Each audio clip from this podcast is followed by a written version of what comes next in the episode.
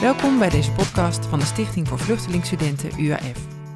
Mijn naam is Marianne Lamers en dit keer praten we met Nouri Akalin, een 41-jarige filmmaker uit Turkije.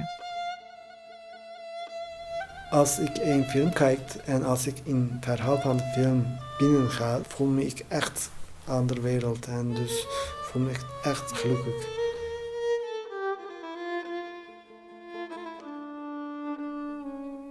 Nouri was als student politiek actief. Hij werd meerdere keren opgepakt en zat jarenlang gevangen. Omdat hij altijd al een passie voor film had gehad, begon hij na zijn gevangenschap in 2010 een filmopleiding in Istanbul. Hij was nog maar net gestart of hij kreeg van zijn advocaat te horen dat de kans groot was dat hij weer opgepakt zou worden. Toen wist hij dat hij moest vluchten. Hij had alleen geen idee waar naartoe. Het enige dat hij wist was dat hij verder wilde in de filmwereld. Een vriend wilde me helpen. hij uh, had uh, verschillende contacten om, om te vluchten. En hij heeft me gevraagd waar ik wil heen. En ik, ik zei dat mm, maakt niet uit. Alleen wil ik één opleiding doen over film.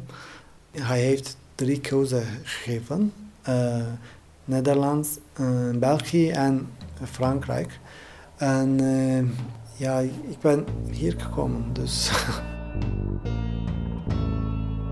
De eerste jaren waren niet makkelijk. Nouri verbleef in verschillende asielzoekerscentra en volgde verwoed een aantal taalkursussen om zijn Nederlands te verbeteren.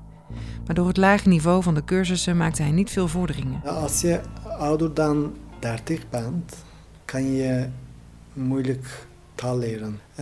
Je, je hebt heel veel meegemaakt in Nederland. Ik heb een leven opgebouwd en dan je moet hier alles opnieuw beginnen. Vanaf begin, vanaf taal leren. Uiteindelijk vond hij op advies van het UAF een taalkursus waar hij zijn niveau wel omhoog wist te krijgen. Na vier jaar studeren was zijn Nederlands goed genoeg om zich aan te melden voor een filmopleiding. Met begeleiding van het UAF zocht hij er acht uit die voldeden aan zijn wensen en ambities. Uiteindelijk was Nouri alleen bij de Maastricht Academy of Media Design and Technology welkom om een toelatingsexamen te komen doen. De andere zeven twijfelden of hij op zijn leeftijd, hij was inmiddels 37, wel met jonge studenten kon omgaan. Nouri snapte hun twijfels wel. Hij scheelde 20 jaar met de meeste studenten in zijn klas. Mijn klasgenoten zijn tussen de 18 en 22. Uh, ik was uh, 37. Uh, ik was uh, bijna leeftijd van hun ouders. Hun wereld, hun ambitie, hun wensen zijn helemaal anders. Ik heb eerst in, in introkamp met mijn klasgenoten contact gehad. Dat was interessant. Een vriend is naar mij gekomen en uh, zij heeft gevraagd of ik me raar vind. Zij zei dat ik alsof hun ouder ben. Ik zei dat, ja, dat klopt. ik, voel me, ik voelde me echt raar. Ik dacht dat ik mijn alle doel uh, bereikt toen ik uh, toegelaten ben. Maar dat is niet waar. Vanaf introcam heb ik begrepen dat een moeilijkheid begint hier. Hoe heb je dat opgelost, het leeftijdsverschil? Ja, ja bijvoorbeeld, um, je moet uh, heel veel groepopdrachten maken als je uh, HBO-studie uh, volgt. Dan niemand wil met jou een groepopdracht maken omdat je niet goed taal kan spreken. Ja, maar je moet altijd uh, wachten en je moet geduld hebben. En als je opgeeft en als je uh, afstand neemt, kan je niks oplossen. Je moet altijd iets doen. Je moet geduld hebben. Want je zit nu in je vierde jaar. Het gaat nu heel goed, hè? Ja, er is veel veranderd. Kan je vertellen wat er veranderd is?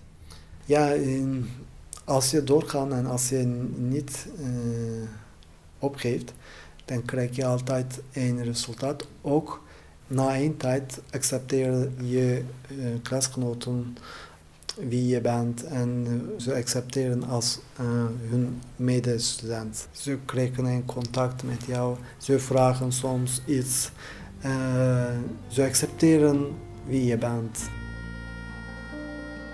Mijn motivatie was altijd hoog, um, hoger dan hun motivatie. Soms vragen ze waarom, omdat ik niet andere keuze heb. Ik heb één kans. Ik moet deze kans goed gebruiken en ik moet een uh, leven opbouwen. Maar uh, ze hebben heel veel keuze. Ze kunnen wachten mm, nog een jaar. Ze willen een andere opleiding doen. dus ik heb niet een andere kans. Eigenlijk uh, hier een leven opbouwen en een mm, opleiding volgen uh, zijn niet makkelijk als je meer dan 35 bent. En uh, dat is altijd moeilijk, maar wel mogelijk je, als je doorgaat, als je niet opgeeft.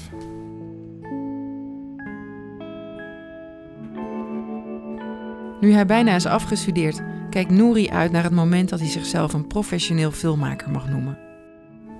In de toekomst wil ik mijn films en mijn verhalen vertellen, films maken.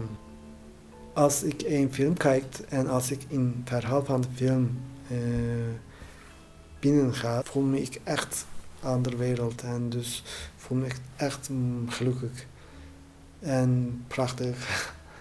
Dat is passie voor mij, ja.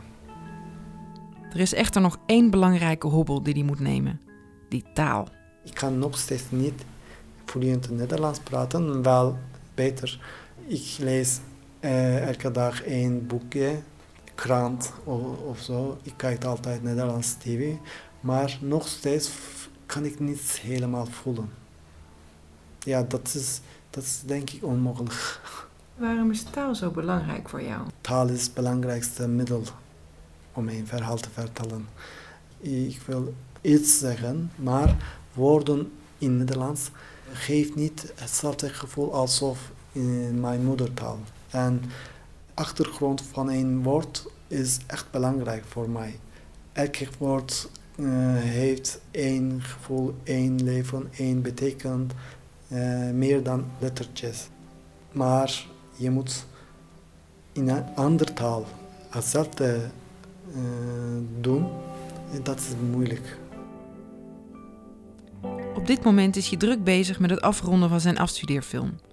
Deze gaat over hoogopgeleide vluchtelingen zoals hij zelf, die een nieuw leven in Nederland willen opbouwen.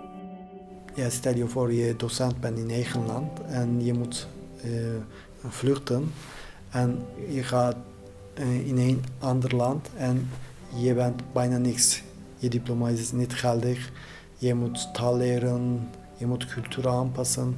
Dat is pijnlijk. Met zijn documentaire wil Nouri de uitdagingen laten zien waarmee hoogopgeleide vluchtelingen in Nederland te maken krijgen. Maar ook het belang onderstrepen van hun toegevoegde waarde voor Nederland. Er zijn heel veel vluchtelingen die een talent hebben. Als ze niet kunnen studeren, kan Nederland uh, niet echt goed talent gebruiken. Dus uh, vanwege deze manier, uh, Nederland uh, kreeg een verschillende talenten in verschillende vakgebieden. Dus ja, belangrijk voor hoogopgeleide vluchtelingen, maar ook Nederland.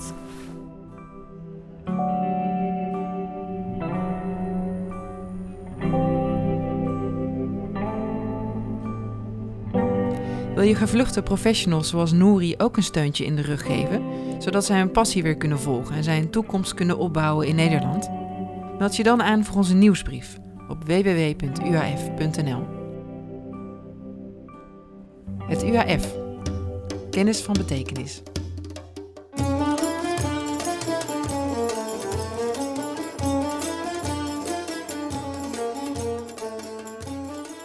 De muziek die je hoorde in deze podcast waren de nummers Week 7 van Ben van Wildenhouse, Sad Parkwood Piano van Komiku en Rampi Rampi van Turku Nomads of the Silk Road, onder een Creative Commons license.